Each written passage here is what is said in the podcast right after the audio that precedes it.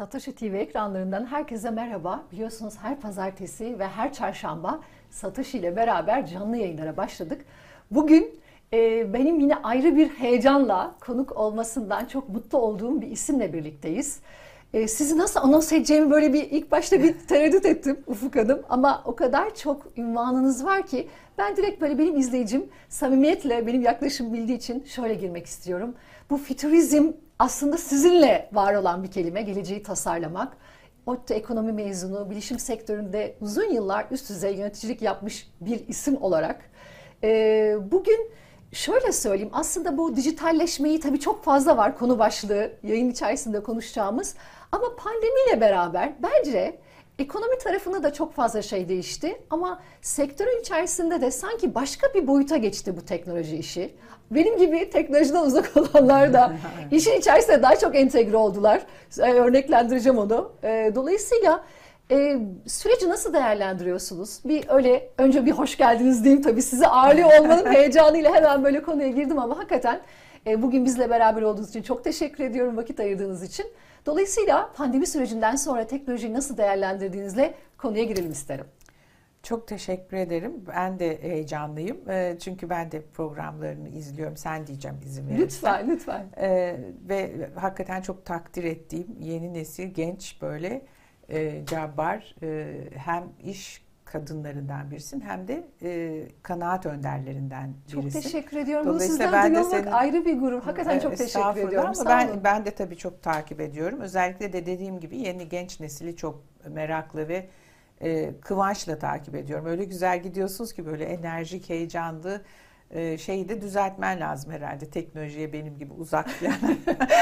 bir oraya o kısmı, bir, evet, oraya bir parantezi alıp çıkaralım hiç bence yakışmıyor. Çünkü aslında yeni kanallarda en erken Hı-hı. şey yapan, e, aksiyon alan, e, kendini adadığı alanı en iyi şekilde duyurmaya çalışan örneklerden birisi. Onun için ben de heyecanlıyım ve çok mutluyum birlikte olduğumuz için. Çok teşekkür ediyorum. E, ve teşekkür ederim ağırladığınız için tabii. Şimdi aslında yeni dönem falan diyoruz da bu dönem aslında epeydir başlamıştı. Pandemiyle farkındalık yükseldi. Pandem, pandemiyle epeydir hazırlanmakta olduğumuz dijital geçişin, transformasyonun, e, daha tek, teknolojiden daha fazla yararlanma gayretlerinin daha geniş kitlelerce hatta dünyaca e, tüm insanoğlu bile diyebiliriz fark edilmesi ve ciddiye alınması ve e, gayet çıplak bir şekilde görülmesi oldu. Aslında yani bu dijital dönüşüm lafları falan yeni değil özellikle iş dünyası için. Bu sadece e, pandemi diyoruz ama ben onu ona plandemi diyorum e, ve bir planın sonucu e, bir deneme süreci, bir tatbikat süreci olduğunu birçok şey için e, bir düşünüyorum. Bir laboratuvar oldu aslında Aynen. değil mi? O sürecin içerisinde pek çok şey hızlandı. Aynen tabii ki çok hızlandı. Yani bir 10 sene falan bakış açısını henüz daha yapabildiğimiz, edebildiğimiz şeyleri değil ama neleri yapıp edemeyeceğimiz konusundaki dirençleri kırma, insanların hazırlanma, şirketlerin veya işte kurumların ve bireylerin aslında e, vites yükseltmesi, hızlanması için çok net bir kırbaç etkisi oldu.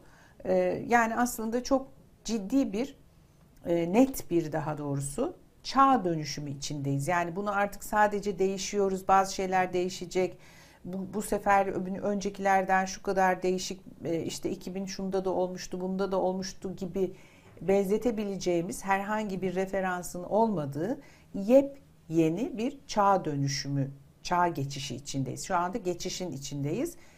Geçtiğimiz zaman bambaşka bir çağda bulacağız kendimizi. Tep, tıpkı işte e, ne bileyim e, taş devrinden bir başka devre geçtiğimiz gibi, orta çağdan yeni çağa geçtiğimiz gibi yepyeni bir çağa geçiş sürecinin içindeyiz.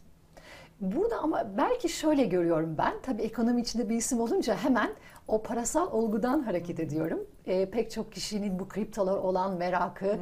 Dolayısıyla sektörün önce sanki e, bu tarafta adını duyuruyor, duyurmuş olması, popülerliğinin çok artmış olması kripto dünyasında... Hmm bir şekilde çok güzel söylediniz onu. İnsanların farkındalığı arttı. Evet. Hiç konuya uzak olanlar da bu dijital dönüşümle, parasal dönüşümle Hı-hı. bir şekilde konunun ortasında buldular kendilerini. Evet. Yani o e, pek çok olgu var. Aslında tabii ki bugün e, sadece parasal değişimi konuşmuyor olacağız. En önemli konulardan bir tanesi tabii ülkemizde hep bu yapısal reformlar. Klasik ekonomide çok konuşulur. E, buradan baktığınız zaman çünkü siz uluslararası konferanslara katılıyorsunuz. E, ülkeyi de bence çok güzel. Hani o anlamda böyle ben heyecanla takip ediyorum sizin sosyal medyanızdan da. En son yine Dubai'de e, önemli bir fuardaydınız. Dolayısıyla biz hani dünyayla baktığınız zaman biz neredeyiz bu dönüşümde? E, neler yapılabilir? Nasıl değerlendiriyorsunuz bu noktayı? Ee, çok şey yapılabilir ve yapılmalı zaten. Ee, veya şöyle söyleyeyim bu seçmeli de değil. Hani e, Zorunluluk. neleri yapabiliriz, ha. neleri yapmayız gibi seçim çoklu çoklu seçenekleri olan beğenip beğenmeyeceğimiz işte bunu yaparım, bunu yapmam diyebileceğimiz koşullar içinde değiliz ve olmayacağız. E, kimin için konuşuyorum? E, ben de iş odaklı bir fütüristim. Yani geleceğin tabii ki bütün e, parametrelerine bakıyorum. Yani sadece işi çekip öbürleriyle hiç ilgisi yoktur diyemeyiz. her şey birbiriyle ilintili, her şey birbiriyle etkileşim içinde. Ama ben onun daha çok iş tarafına, e, insanların ve kurumların ve ülkelerin iş dünyasında sürdürülebilir bir geleceği nasıl oluşturabileceklerine bakıyorum. Hı hı. Ve e, oraya baktığımda da e, şimdi ve daha sonra ve önce konuştuğumuz, konuşacağımız hiçbir şeyin seçmeli olmadığının altını bir kez daha çizmek zorundayım. Yani herkes zorunlu olarak bu değişime, dönüşüme ya ayak uyduracak ya ayak uyduracak. Dolayısıyla ne yapmalıyızı baktığımız zaman bir kere önce ne olduğunu anlamak lazım ve olacağını. Yani hep onu anlatmaya çalışıyorum. Hı hı. Fütürizmle benim bu kadar çok ilgilenmem, bu kadar çok gelin bakın fütürizmi öğrenin, anlayın, kullanın diye herkesi çekiştirmemin asıl nedeni bu bir bilgi. Yani gelecek bilgisi diye bir şey var önümüzde. Onu iyi anlamak ve onun gereklerini yapmak zorundayız. Yani biz bilgiyi neden ediniyor ve kullanıyoruz? E daha iyi olsun diye hayatımız her neyle uğraşıyorsak ve geleceğimiz. Şimdi artık gelecekte neler olacağını gerçekten biliyoruz. Ben de ve bütün fütüristler hevesi yok filan gibi bir sürü de gerçeğe rağmen. O yüzden aslında yapmamız gereken şeyler e, çok net bir şekilde ev ödevi gibi e, hangi kanalı açsak, hangi kaynağa baksak yazılıyor. Ama en sağlam kaynaklar neler derseniz e, herkesin bir PR aracı gibi kullandığını e, kullandığı demeyeyim de öyle zannedilen bu sürdürülebilir kalkınma hedefleri var ya Birleşmiş Milletler'in. Harika. Hani ne desek kulp bulunuyor. İşte onlar küresel e, komplo teorileri, küreselciler şunu yapacak, tek devlet isteyenler bunu yapacak filan. Bir ortalık toz duman yani sanki bir şey. Bilgi kirliliği de çok fazla var. Çok bilgi var. ve yorum kirliliği de var. Yani berrak düşünmekle ilgili bir sıkıntı yaratılıyor böyle toz duman herkes her kafadan bir de insanların kötüye olumsuzluğa komploya hani korunmak güdüsüyle e, yatkınlığı eğilimi, eğilimi daha fazla. Hı. Oysa yani önümüzde tertemiz bir geçiş dönemindeyiz. 8 milyar olduk ve bu kadar kalabalık bir nüfusun üstelik de çok becerikli şeyler yapamamış bir e, türün insanoğlunun e, ya yaptığı hataları düzeltip bir şeyleri temize çekip hani büyük sıfırlama deniyor ya big reset evet, ona evet. da karşı herkes. E, ne yapalım? Yani bir sıfırlayıp hepsini sıfırlayamayacağız ama sıfırlamamız gereken ve asla bir daha yapmamamız gereken şeyler var. Onları anlayıp e, gereklerini yapmaya çalışmamız lazım. İşte o sürdürülebilir kalkınma hedefleriyle başlayan 17 maddelik her yerde söylüyorum ev ödevi hı hı. herkesin önünde e, bakılıp ben bunun neresini ne kadar yapabiliyorum diyeceği kadar net detaylar içeriyor aslında. Şimdi sürdürülebilir kalkınma dediniz ama ben hemen böyle o ekonomist kimliğim şey oldu. Ben mesela büyüme rakamları geldiği zaman hı hı. açıklanır ve böyle büyük puntolarla e, başlıklar atılır. Büyüme şöyle geldi, bu kadar iyi büyüdük. Hı. Ama hep şunun altını çizerim. Büyüme değildir Keza şu an içinden geçtiğimiz Hı. süreçte yoksullaştıran büyüme olarak tabir ediyoruz. Aynen. Biz maalesef çok yüksek bir enflasyon olduğu için çok e, kıymetli olanı kalkınmadır zaten. Biz ilerlemek Hı. istiyorsak o kalkınma nosyonuyla hareket etmemiz lazım. Oradan da teknolojiye geliyor olmamız lazım. Yani Aynen. sürdürülebilir kalkınma noktası onun için de kıymetli. Ben bunun altını çizmek istedim. Çok... Özellikle hani büyümeyle kalkınmayı hep böyle bir hayır işte büyüme evet. değildir önemli olan kalkınmadır diye her seferinde ben hem kendi izleyicime hem de evet. ekonomiyi takip edenlere e, duyururum. Onun için lütfen bölmüş olmayayım sizi oradan Yo, devam rica ediyorum. ederim. Çok yerinde bir tespit. Zaten mesela yeni çağ hazırlık için ağzını açın her fütüristin söylediği şey, benim de ta yıllardır söylediğim şey, e, daha çok, daha büyük hmm. değil, daha iyi. için artık her şeyi stratejik olarak kurgulamalıyız. Sürdürülebilirlik mesela böyle kendi başına bir konu değil. Sürdürülebilirliğin olmadığı tek bir alan, eylem, parametre bir, bir, bir, bir konu yok. Yani sürdüremiyorsak sürdürülemez o. Hı hı. Onun için e, çok daha net ve berrak bir anlayışa sahip olmamız gereken. Bunları artık böyle sanki beğenirsek olur, olur beğenmezsek olmaz. İstersek yaparız, istersek yapmayız. Veya işte birileri bir yerlerde bir şey komplolar kuruyor, kuruyor da bizim de başımıza geliyor. Yani öyle saçma sapan şeyler dinliyorum ki Allah Allah ya bunlar nasıl söylenebiliyor diye şaşırıyorum. Yani ya çok etkileyebilirmişiz gibi onu reddediyorum, bunu kabul etmiyorum. Ben aslında bunun da neden olduğunu anlıyorum. E sonra yani ne yapalım bu kadar kalabalık insan? Son organik insan türüyüz falan gibi Aynen. de böyle söylemler de var O doğru. Ya. O doğru olabilir. Yani doğru olma ihtimali çok yüksek ihtimali değil. Yani öyle evet. bir şey de gerçek.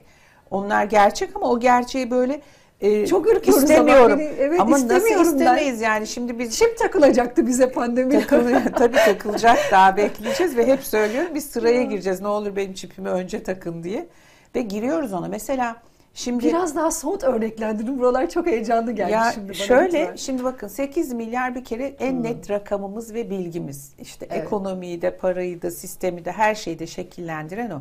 8 milyar milyar insanoğlu ve daha bence değil hepimizce ilkeliz. Yani ne kadar zayıf olduğumuzu ve bir sürü şeye yetmediğimizi hatta hiçbir şeye yetmediğimizi pandemide hadi bakalım salgın başladı düdüğü çalındığı anda anladık. Hepimiz korkuk, korktuk evlerimize kaçıştık ve edilgen bir durumda bekledik. Ne denirse onu yaptık. En böyle kahramanlar onu elletmem, özgürlüğüme dokundurtmam, şunu da kabul etmem diyenler de e, can korkusu ve çaresizlik gelince her şeyi yapar oldu. Dolayısıyla artık o dersi bir kere aldık. Bunu bir hatırlayalım yani pandemiden önce nasıldık, pandemide nasıldık. Şimdi ne konuşuyoruz?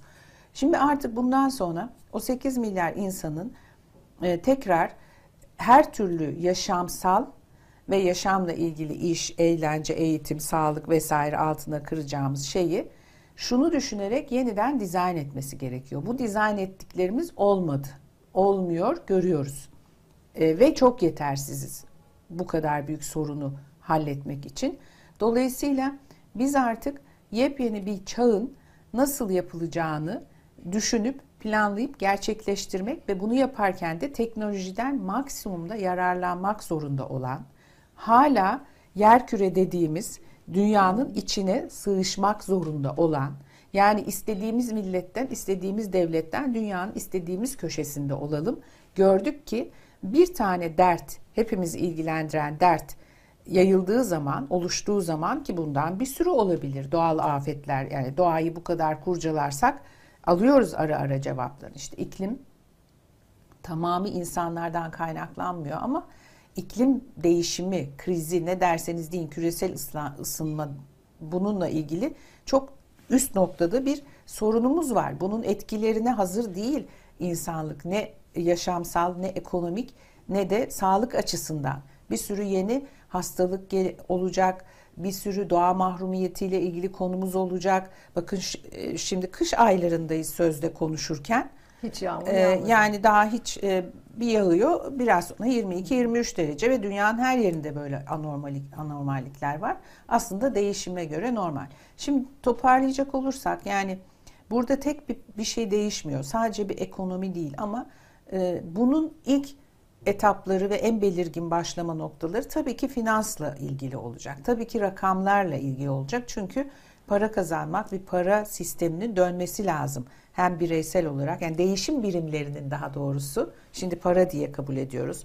Hı hı. Ve dijitalleşmesiyle ilgili yine e, COP27'de e, alındı kararlar biliyorsunuz. 50, e, 50 küsür tane madde sıralandı. Dünya kendine bir karne çıkardı orada. Hı hı. Bir, bir hafta önce falan bitti galiba. E, onda ne deniyor? Bütün milletler altına imza attı. Biz de attık. E, resmen artık merkez bankaları dijital para kullanımını e, onayladı. Başlayacaklar. Hı hı. E, e, dijital para biliyoruz ki kripto paralar demek değil ama onların yolunu açan ve o sistemlerin kurulmasını sağlayan şey. E, peki o dijital para ve tamamen paranın kart olarak dahi ortadan kalkması. Zaten hani çok fiziksel para Hı-hı. kullanmıyoruz işte. E, Dokunmak kart... istemedik zaten. Aynen. Öyle bir süreçten geçtik yani, fiziksel paraya. Aynen. Mikrop bulaşacak filan pandemi süreci de ben hatırlıyorum neredeyse bozuk paraları böyle kolonyalı Aynen böyle bir sürecin içerisinden e, geldik çünkü buraya. Yani evet. fiziksel para çekmeyi filan unutuyoruz. Şey Aynen. yapıyoruz. Dolayısıyla fiziksel para zaten neredeyse çok azaldı. Ama kart bile kullanılmayacak derecede dijital paraları dolayısıyla kripto e, düzenlemeler zannediyorum gelecek sene ve 2025 regülasyonlar 2023, kesin gelecek sistemi kesin gelecek. Daha yani bütün dünya şimdi harıl harıl bununla ilgili çalışıyor. O e, onun olacağını biliyoruz ve olması gerekiyor. Çünkü bu kadar genç nesil Z nesli dediğimiz milyarlar iş hayatına, hayata karışacaklar ve onları mevcut finansal e, koşullarla çalıştıramayacağız. Öyle bir para, öyle bir şey yok ortada. Yani dolayısıyla şimdiye kadar onlar zaten da, hep pardon, onlar da bunu sanki arzu etmiyorlar. Çünkü e, şöyle söyleyeyim hani tabii ki konuşacağız. Bölmüş oldum sizi Yok, ama he, şey heyecanımdan çünkü tabii. Satoshi özellikle gençler de çok seyrediyor yaş grubu olarak. Ben özellikle baktım. Aha. Dolayısıyla hani o yeni trendlerde e, özellikle hani meslek değişimi anlamında e, nasıl gördüğünüzü de buradan e, devam etmenizi rica ediyor olacağım. Evet, yani yeni nesil neleri aslında bizden daha farklı yapıyor olacak? Bizden daha genç olanlar niye aslında farklılaştırmalı izleyenler açısından? Bir de şu şu nokta var. Siz konuşurken o kadar böyle e, şey duygusu geldi ki bana. Yine şimdi bizim ülkemizde e, çok dünyayı takip ettiğiniz için bizim ülkemize planlama oluyor mu? Yani ben Atatürk'ten sonra gerçekten vizyoner. Yani bu 5 sene 10 sene önceden işte o tarihe göre bir vizyonla planlamanın yapıldığına pek şahit olmadım bu ülkede. Ben en azından öyle değerlendiriyorum. Dolayısıyla şu andan sonra öyle bir dünya başka tarafa doğru evriliyor ki hani bizim ülkemiz tam bu kadar genç nüfusun olduğu. Onun için zaten çok fazla kurum geçmişte buraya geldi. Neden Avrupa yaşlanıyorken Türkiye bu kadar ön planda genç nüfusu olmasından dolayı. Ama burada sanki ben de orada size çok büyük bir görev adlediyorum. Daha çok e, hani sözünü yükselten, daha çok bu konuda hakikaten e, bütün sistemin değişmesi anlamında o bir planlamanın yapılması anlamında biz ülke olarak neredeyiz ya da bunu şey olarak e, sormuyorum. Yani şu andaki iktidar vesaire gibi değil de hakikaten e, yurt dışında gördüğünüz kadar yurt içinde de sizi Ufuk Hanım işte böyle bir planlamada sizin rolünüz bu olmalı şeklinde bir yönetim tarafında da bir e, rol addediliyor mu size? Aa, teşekkür ederim. Bu soru güzel bir soru. Yani hep de hepimizin belki de bazen ezberlerle konuştuğumuz bir şey. Bizim ülkemiz ülke olarak hangi iktidar gelir giderse gelsin gitsin fark etmez edilgen konumda. Yani biz herhangi bir şeyi planlayıp stratejik olarak bütün dünyayı etkileyecek bazı şeyler, e, büyük şeyler diyeyim, yapabilecek konumda da değiliz. E, birikimde de değiliz. Yani öyle bir öyle onları yapabilmek için e, çok önemli ev ödevleri var. Çok ciddi stratejik çalışmalar var ve fütürist bakış açısı bir kere lazım. Geleceğe dönük çalışmak ve o geleceği planlayıp tıkır tıkır uygulamak lazım. Mesela Çin'in yaptığı gibi, mesela Kore'nin yaptığı, yaptığı gibi. gibi yapamayanları görüyoruz. Mesela yıldızları, apoletleri birer birer düşüyor. Eskinin eskiden yapmışlar, Orta Doğu'yu yaratmışlar. Petrolü ver, sil, e, e, petrolünü al, silahını sat yapmışlar, sömürmüşler. Ondan önce iyice bir hakikaten sömürmüşler filan falan. Bugünkü dünya düzenini kuranlar planlamışlar, uygulamışlar. Ama şimdi başka planlayanlar ve uygulayanlar gelince ne diyoruz? Bakın 2030'larda artık Çin ekonomik olarak dünyanın lideri olur. En büyük rakamlar oradan çıkar. E zaten işaretleri de gelmeye başladı. Çin'in ya da Doğu'nun diyelim e, dümen suyuna girmeye başladık. Dijital devlet yani onlar 1 milyar 400 milyon insanı yönetmek için buldukları yöntemleri pek tabii ki diğer dünyanın e, taraf, diğer taraflarının da yönetmesi için kullanmak üzere empoze edeceklerdi. Covid ile başlandı. Hepimizin HES'leri oldu. Hepimizin e, bütün uluslararası havuza atıldı o bilgiler. E, e, yavaş yavaş bunlar pasaport bilgisine dönüşecek. İşte dijital paraya, notlara, puanlara filan dönüşecek. Yani hepimiz bu elimizdeki şu an uzun yıllardır Çin'de kullanılmakta olan sosyal dijital vatandaşlık prensiplerini uygulamaya geçeceğiz ve geçiyoruz. Onun için planlama yapıp yani gelecekçi bakıp stratejik plan kurup bunu uygulayanlar etkin oluyorlar, etkiliyorlar. Bizim gibi ülkelerde edilgen oluyorlar, onlara uyum sağlıyorlar. Biz burada sadece daha avantajlı olabiliriz. Bir hala güzel bir jeopolitik durumumuz var. Yani o dünyada tek işte bir şans eseri orayı tutmuşuz. Ee, ikincisi de e, adaptasyon kabiliyetimiz çok yüksek. Yani biz plan, proje, ilim, bilim, irfan derinlemesine bir şey yapalım değil de gerçekten pratik zekamız çok yüksek. Tez canlıyız, evet. pratik olsun istiyoruz. Akıllıyız yani. Evet. Çok önemli hasletlerimiz var. Onun artık herkes hemfikir herhalde. Hı hı. İş hayatında da görüyoruz. Yani biz çok çabuk manevra yapabiliyoruz. E, bir gün öyleyken hadi şimdi buraya koşalım denirse hemen buraya koşabiliyoruz. Bu bir yerde tabii kaypak yani bunların hepsi iki ucu keskin e, kılıç gibi algılanabilir. Hepsinin her şeyde olduğu gibi negatifleri ve pozitifleri var. Ama bu kadar büyük dönüşüm süreçlerinde eğer etkin olamıyorsanız, etken olamıyorsanız, bir şeyleri değiştirmek, dönüştürmek falan gibi bir kudretiniz yoksa ki yok, apaçık belli. E, dolayısıyla hızlı adapte olabilmek de önemli bir avantaj olacak ve genç nüfus her şeye rağmen hala bir de çok krizlerle biz e, yaşadığımız için bunlar şaka gibi söylüyoruz ama çok önemli avantajlar. E, aşırı krize dayanıklı bir bünyemiz var. Yani başka ülkelerde, başka kültürlerde ortalığı dağıtacak konular bizde olur hayırlısı geçeriz evet. hayır Kader ve yapıyoruz da yani evet. bununla da yaşıyoruz hakikaten ve devam da ediyoruz. Hı hı. Ben böyle cıvıl cıvıl yaşayan e, delişmen bir kültürümüz ve yapımız olduğunu görüyorum. Ben de zaten onun içinde yaşıyorum. Ben de öyleyim. Hepimiz de birbirimize benziyoruz neticede. Doğru. Yani bu geçiş döneminde çok öyle aktif bir e, şeyler roketler fırlatacağımızı falan düşünmüyorum ama dünyanın ileriye giden kesiminden kopmayız. Yani yine ortalarda bir yerlerde e, yaşarız. Yani en iyi olmak da gerekmiyor. Bir de bu çağ bizim üstümüzden bireysel olarak da toplumsal olarak da galiba o stresi biraz alacak. Yani bu batının bize aşıladığı e hep böyle star olacaksın, en iyi olacaksın, çarpılacaksın, sen tek bilmem en en en var ya. ön planda bireysel ya o çok büyük stres. Hmm. Yani hep böyle çok acayip olacaksın yani. Sanki bir ara öyle hissetmiyor muyduk? Hepimiz Mark Zuckerberg olacağız. İşte Elon Musk. Yok yani onlardan zaten dünya tarihlerinde bir tane iki tane çıkıyor. Hı. Ama hepimiz sanki öyle olmalıymışız gibi. O streslerimiz azalacak. Yani özetle hem e, düşünsel anlamda hem fiili e, yaptıklarımız anlamında hem kullandığımız kaynaklar hem yeni araçlar açısından hakikaten bayağı sıfırlanıyor gibi e, böyle bir dönüşüm geçireceğimiz yıllardayız. Buna da uyum sağlamak için e, bakacağız işte mesela ilk etapta teknolojiyle bir kere e, haşır neşir olan uzmanlaşmalar, bilgiler, beceri daha doğrusu bilgi demeyelim de bil fiil hangi alanda ilgiliyseniz o alanda iş yapabilme. Yani az laf çok iş dönemindeyiz artık. Çünkü yapacak çok iş var.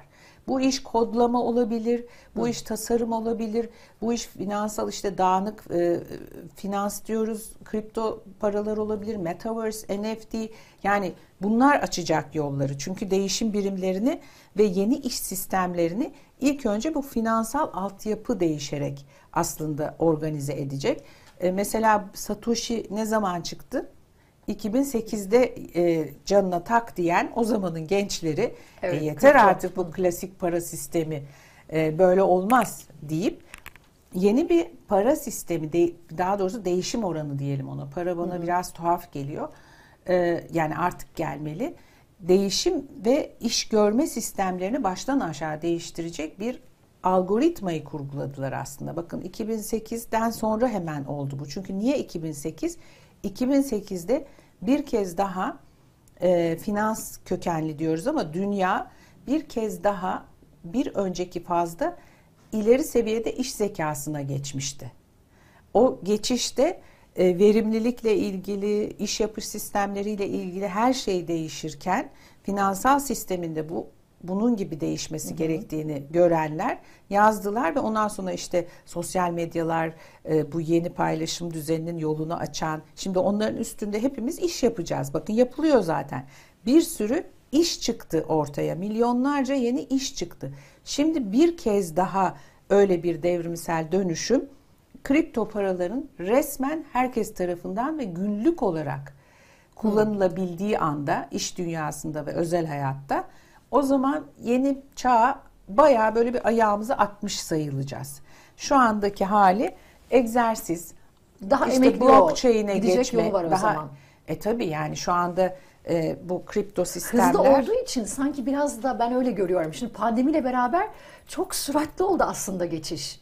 Öyle değil mi yani? Yok, Mesela daha fütüristlerin e, ben sanki böyle o pandemiyle beraber teknoloji bu kadar çok yoğun bir şekilde hayatımızı alıyor olmamız, artık YouTube'dan canlı yayınlarla bu kadar hani her şey televizyonculuk değişti, ekonomi sistemi içerisinde parasal e, döngü değişti ama e, bu biraz iki yıl gibi bir sürede sanki bir anda böyle vitesin çok evet, arttığı evet. bir süreci yaşadık. Evet. Özellikle şey merak ediyorum bu meslek dönüşümlerinde mesela ne tavsiye edersiniz?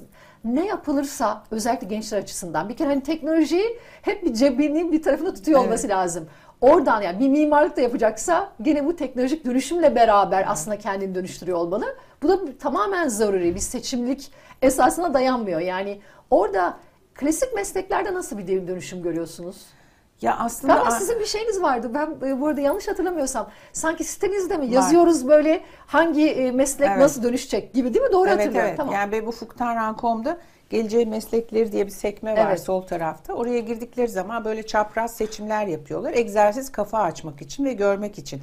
Şimdi hmm. meslek ve iş tanımını da bir daha bir herkesin yani meslek üzerinde eğitim aldığın e, ve e, öğrendiğin konu ları yani işte mühendislik diyorsun ama o mühendislik sonra iş olduğu zaman işte tekstil mühendisliği hatta tekstil mühendisliğinin ne bileyim e, örgü makineleriyle ilgili bir tarafına gidiyor. Bir tanesi yazlık kıyafetlerle ilgili gidiyor. Bir tanesi artık giyilebilir teknolojilerle ilgili gidip dört mevsim İkinci giyilebilen nanoteknolojik cihazlar, evet. şeylerle, kumaşlarla Hı-hı. ya da materyallerle olması lazım. E, o da yetmeyecek yani dört mevsim giymek yetmez. Bu biraz bizi iyileştirsin. Egzamalarımı da tedavi etsin sürtündükçe bana. içine ufak ufak nano, nano partiküllerde ilaçlı giysiler olacak püskürtülen giysiler olacak. Yani bir giysi dediğinizde alt kırılımında mevsime göre, sağlığa göre, beğeniye göre bir sürü hat açılacak. Yani sadece bir tek giyiniyoruz, bir tek bir şey yapıyoruz da kalmayacak Belki insan. tedavi edici bir özelliği e, bile tabii. olacak vücudun içerisinde. Ay Çok hala var. Yani işte hmm. ne bileyim çorap aldığında çorap diyelim ki egzamanı ya da bir cilt hastalığını tedavi edecek.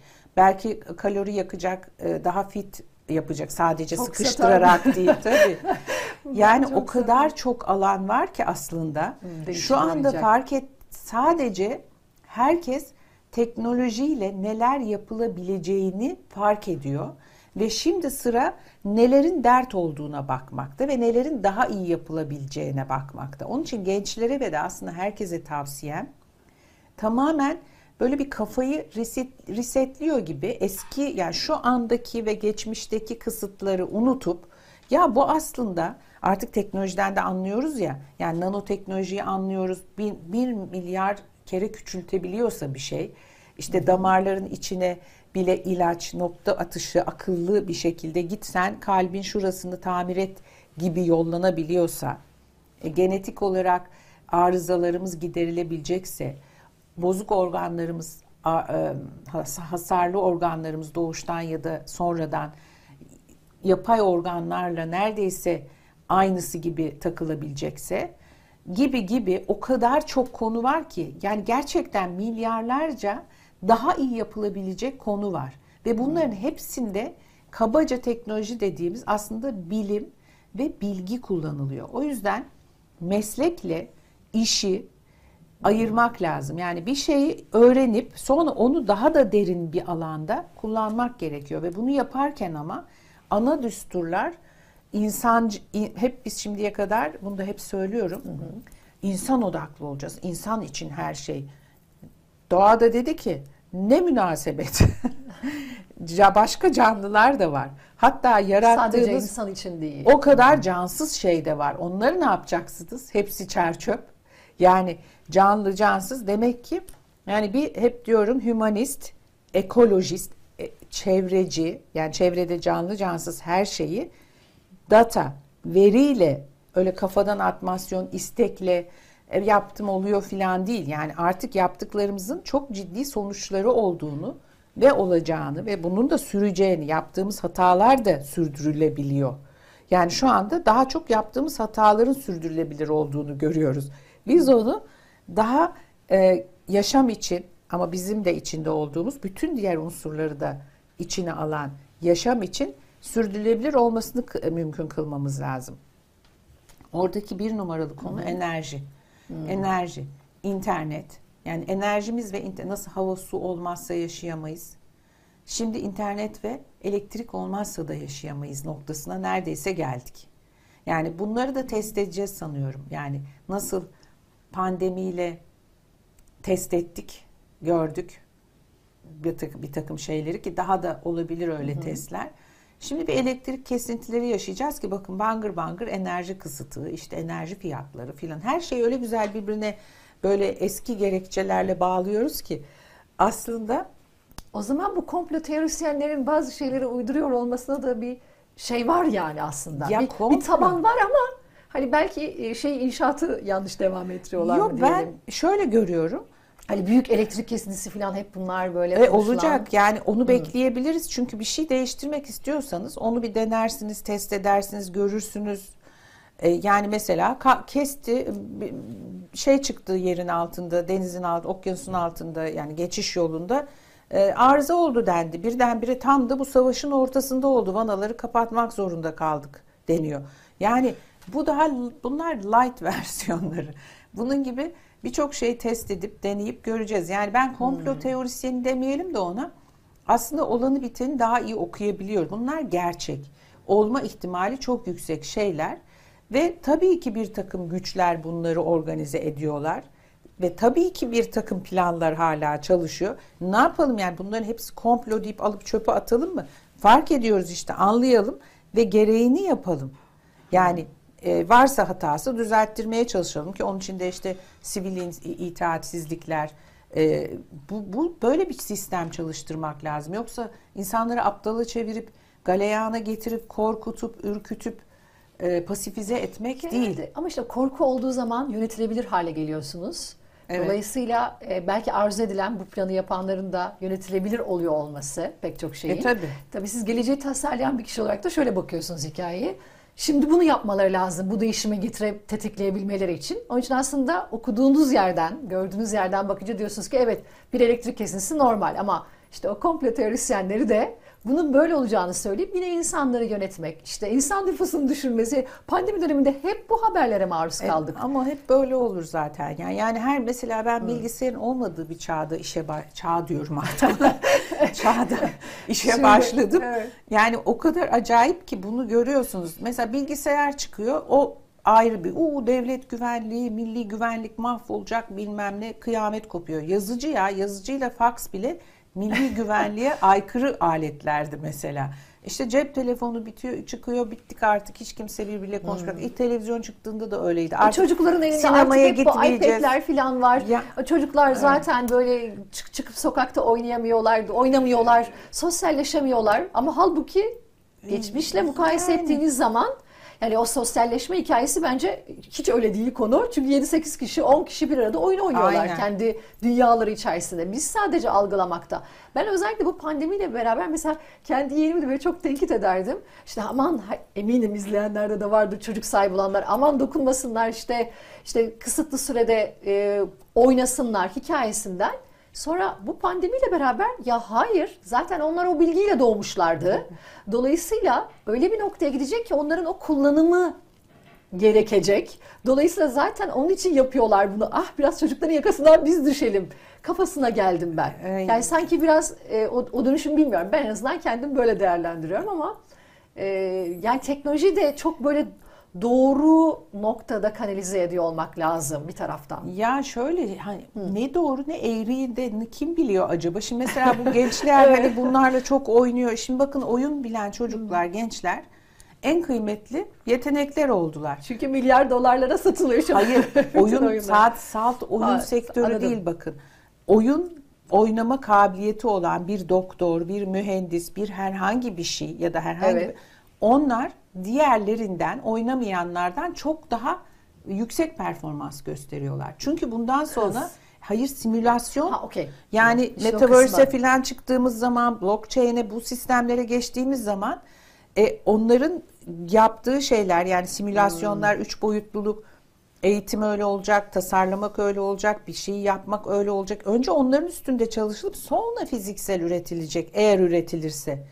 Onun gibi şeyler, denemeler, testler. olmak. E tabi Hmm. onların oyun oynarken kazandıkları aynı anda birçok yere bakabilmek, dikkat, e, sonra mercekten kontrol edebilmek ya da yani onlar bir şey söyleyeyim mi? Bilgisayar veya oyun yoğun oyunu yoğun olarak kullanan gençler her şeye rağmen gen- yani büyüklere rağmen aslında çok sağlam gelecekteki iş yapma becerilerinin eğitimlerini alıyorlar kendi Ha, kendilerine. Biz de onları anlayamıyoruz aslında. Evet anlayamıyoruz. Yani tamamen öyle bir şey bu.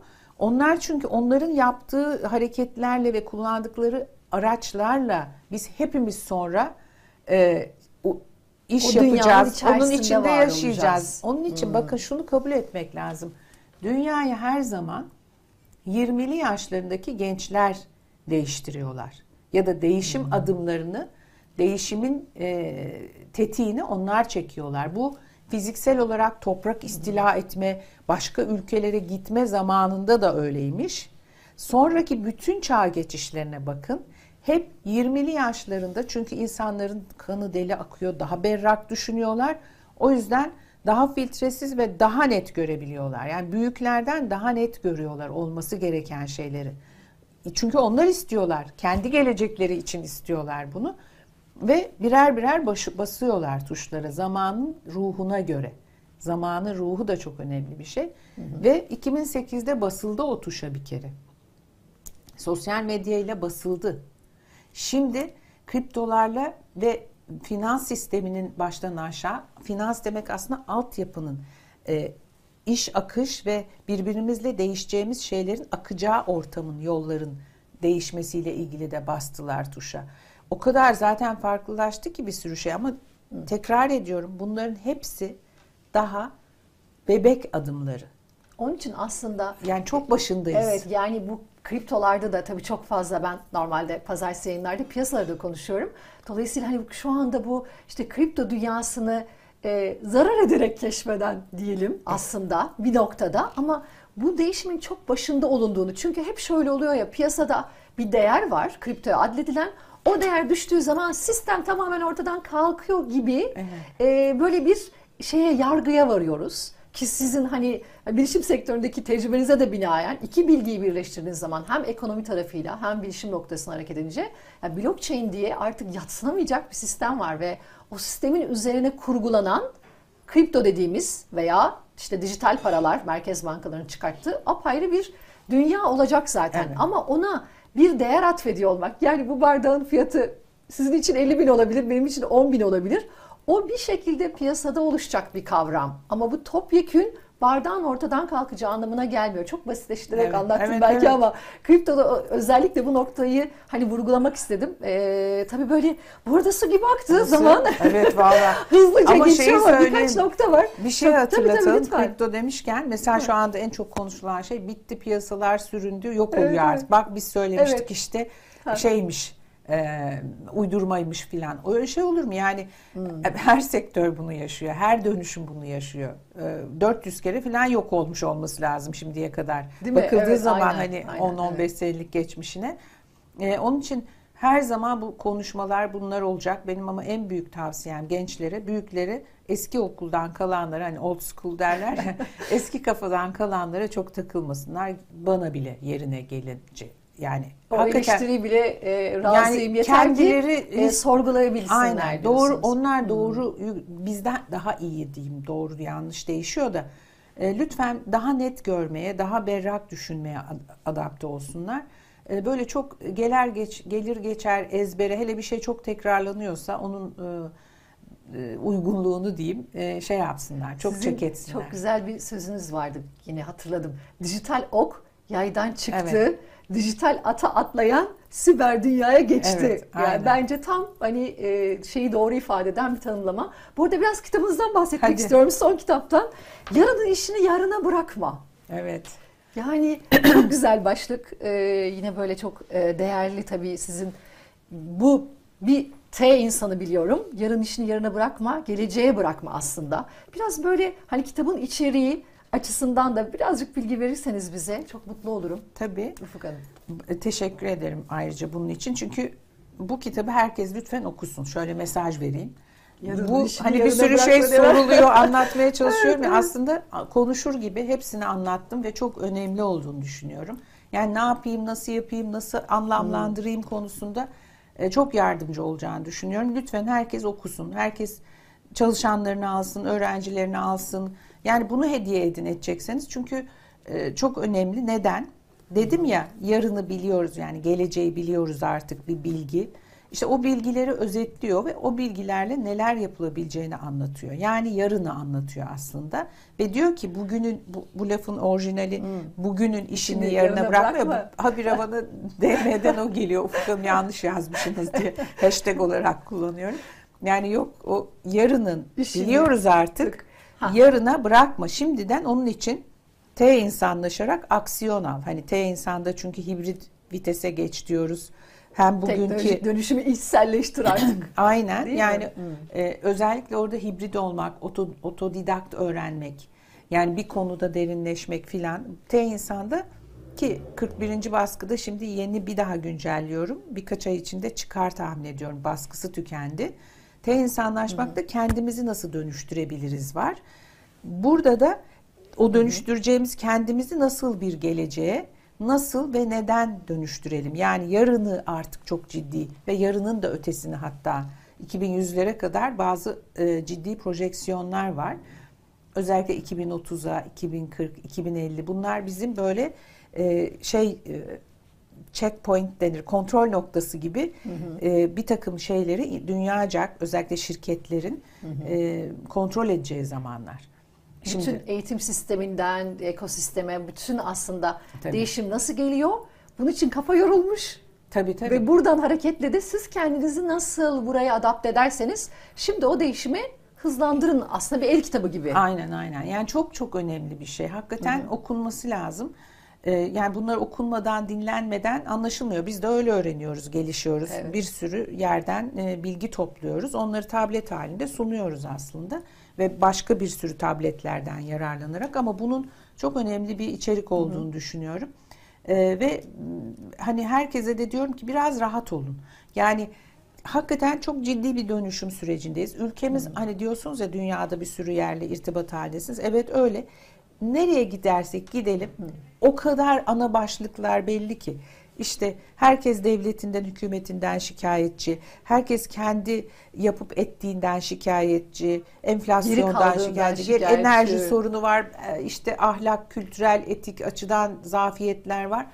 İnsanoğlu aslında birbirine çok benziyor. Bunu Covid'de de gördük zaten salgında. Bir baktık ki "Aa, ne kadar ar- herkesin duyguları aynı, kısıtları aynıymış ve ne çok farklı zannediyoruz ama çok da benzeşiyoruz. Zaten benzeştik, standartlaşıyoruz da giderek. Dolayısıyla biraz rahat olmak lazım. Bu dönüşümün içinde neler yapabilirim? Ne yapsam daha iyi olur diye. Çok da e, tabirimi mazur görün lütfen. Kastırmadan, kendinizi de başkalarını da hırpalamadan e, yapabileceğimizin en iyisini maksimumda bilgiye dayanarak yapmaya çalışalım. Şimdi bu somut değil yani ne kadar güzel böyle dilekler, temenniler ama öyle yani ne uyduralım şimdi? Dünya dönüşüyor. Teknoloji çok baskın. Finansal sistem değişecek. Blockchain'e geçilecek. Daha geçilmedi. Bunların olması için internetin hızlanması, bilgisayar, bilgi işlem sistemlerinin çok güçlenmesi lazım. Ve ki hepimizde olsun. Hepimiz aynı sistemlere girip çıkabilelim. Çok yüklü bilgisayarlar, aynen. çok yüksek işlem hacmine Tabii. sahip donanımlar da gerektiği için. Aynen, Çok yani. yüksek enerji kullanılacağı için bunun gereğinin yapılıyor Evet. olması gerekiyor. O bütün dönüşümün Evet, tamamlanması onun için için. biraz bekle. Yani ben hep söylüyorum daha bir 5 ve 10 sene bunların hepsinin birdenbire olması yani robotların koşması, yapay İşte zeka robotlar her şeyimizi elimizden alacak. mümkün mü ya? ben uçan arabalar, uçan Yani- evler, ev ama en son sizin paylaşımınızda vardı. Ona çok böyle eğlendim. yani şimdi basketbol ben izlemekten keyif alırım.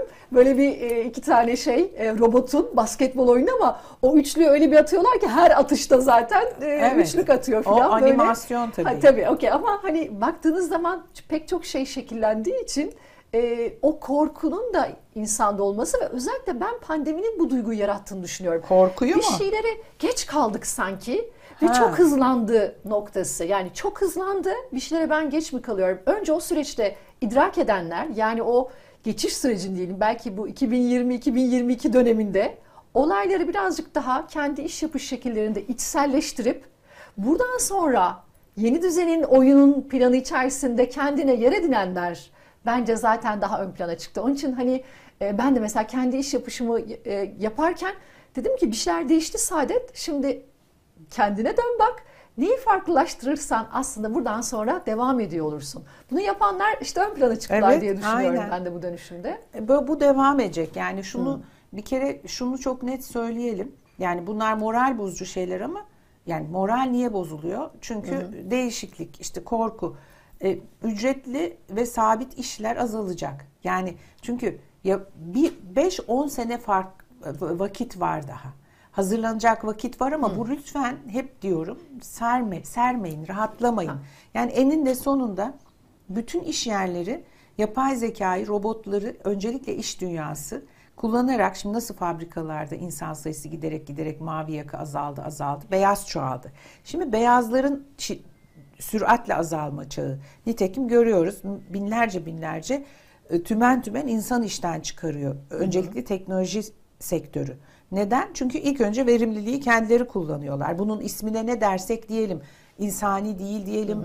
İş kaybetmek çok feci bir şey. Bu psikolojiyi anlamamak imkansız ama bu olmak zorunda. Oldu daha önce de.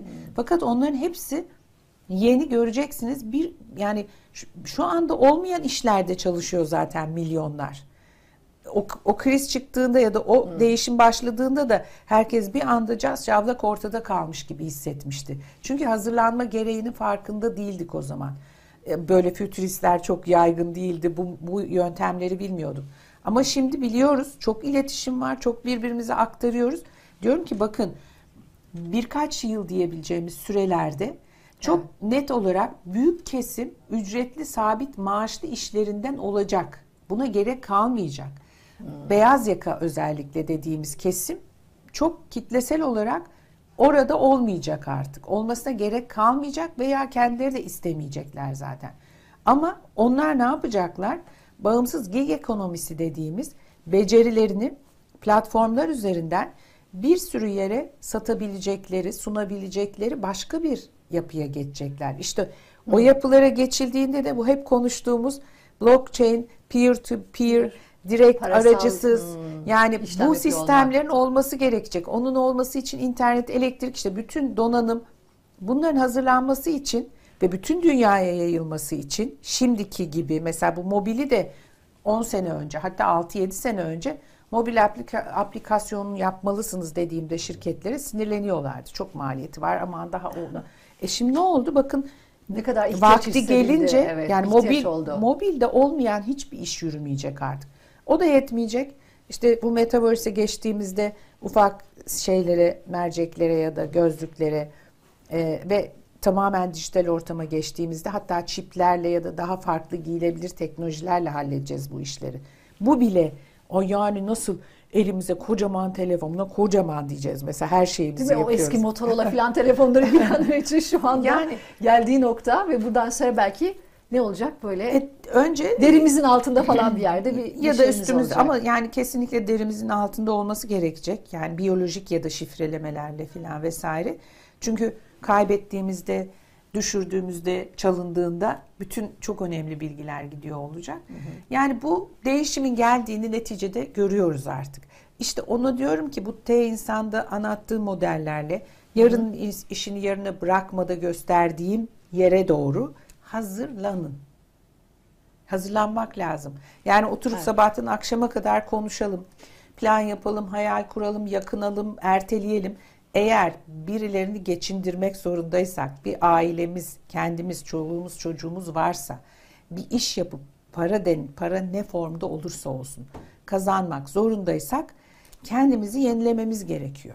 Bu kadar. Evet. Hani daha fazla ne söyleyebilir bunun üstüne? Dönüp dönüp aynı lafları konuşacağız. Kendini yenilemeyen kendine yenilir deyip o zaman De- değişime Böyle- yenilir. Çok böyle noktalamış atasözü. olalım. Hakikaten e, efendim bu haftalık bizden bu kadar su gibi geçti. Valla ben 40-45 dakika nasıl geçti anlamadım. E, önümüzdeki hafta pazartesi yine e, Satoshi ekranlarında oluyor olacağım. Lütfen kanalımıza abone olmayı ve e, görmek istediğiniz konukları yorumlar kısmında bizlerle paylaşmayı unutmayın. Ufuk Hanım çok teşekkür ediyorum geldiğiniz için. Benim için su gibi aktı. E, tekrarına için diyelim o zaman. Tekrar çok teşekkür ediyorum. Ben Ayağınıza teşekkür sağlık. ederim. Herkese e, önümüzdeki hafta pazartesi görüşmek üzere deyip e, kriptosuz kalmasınlar diye noktalayayım. İnşallah. Görüşmek üzere efendim. Sağ olun. Teşekkür ederim.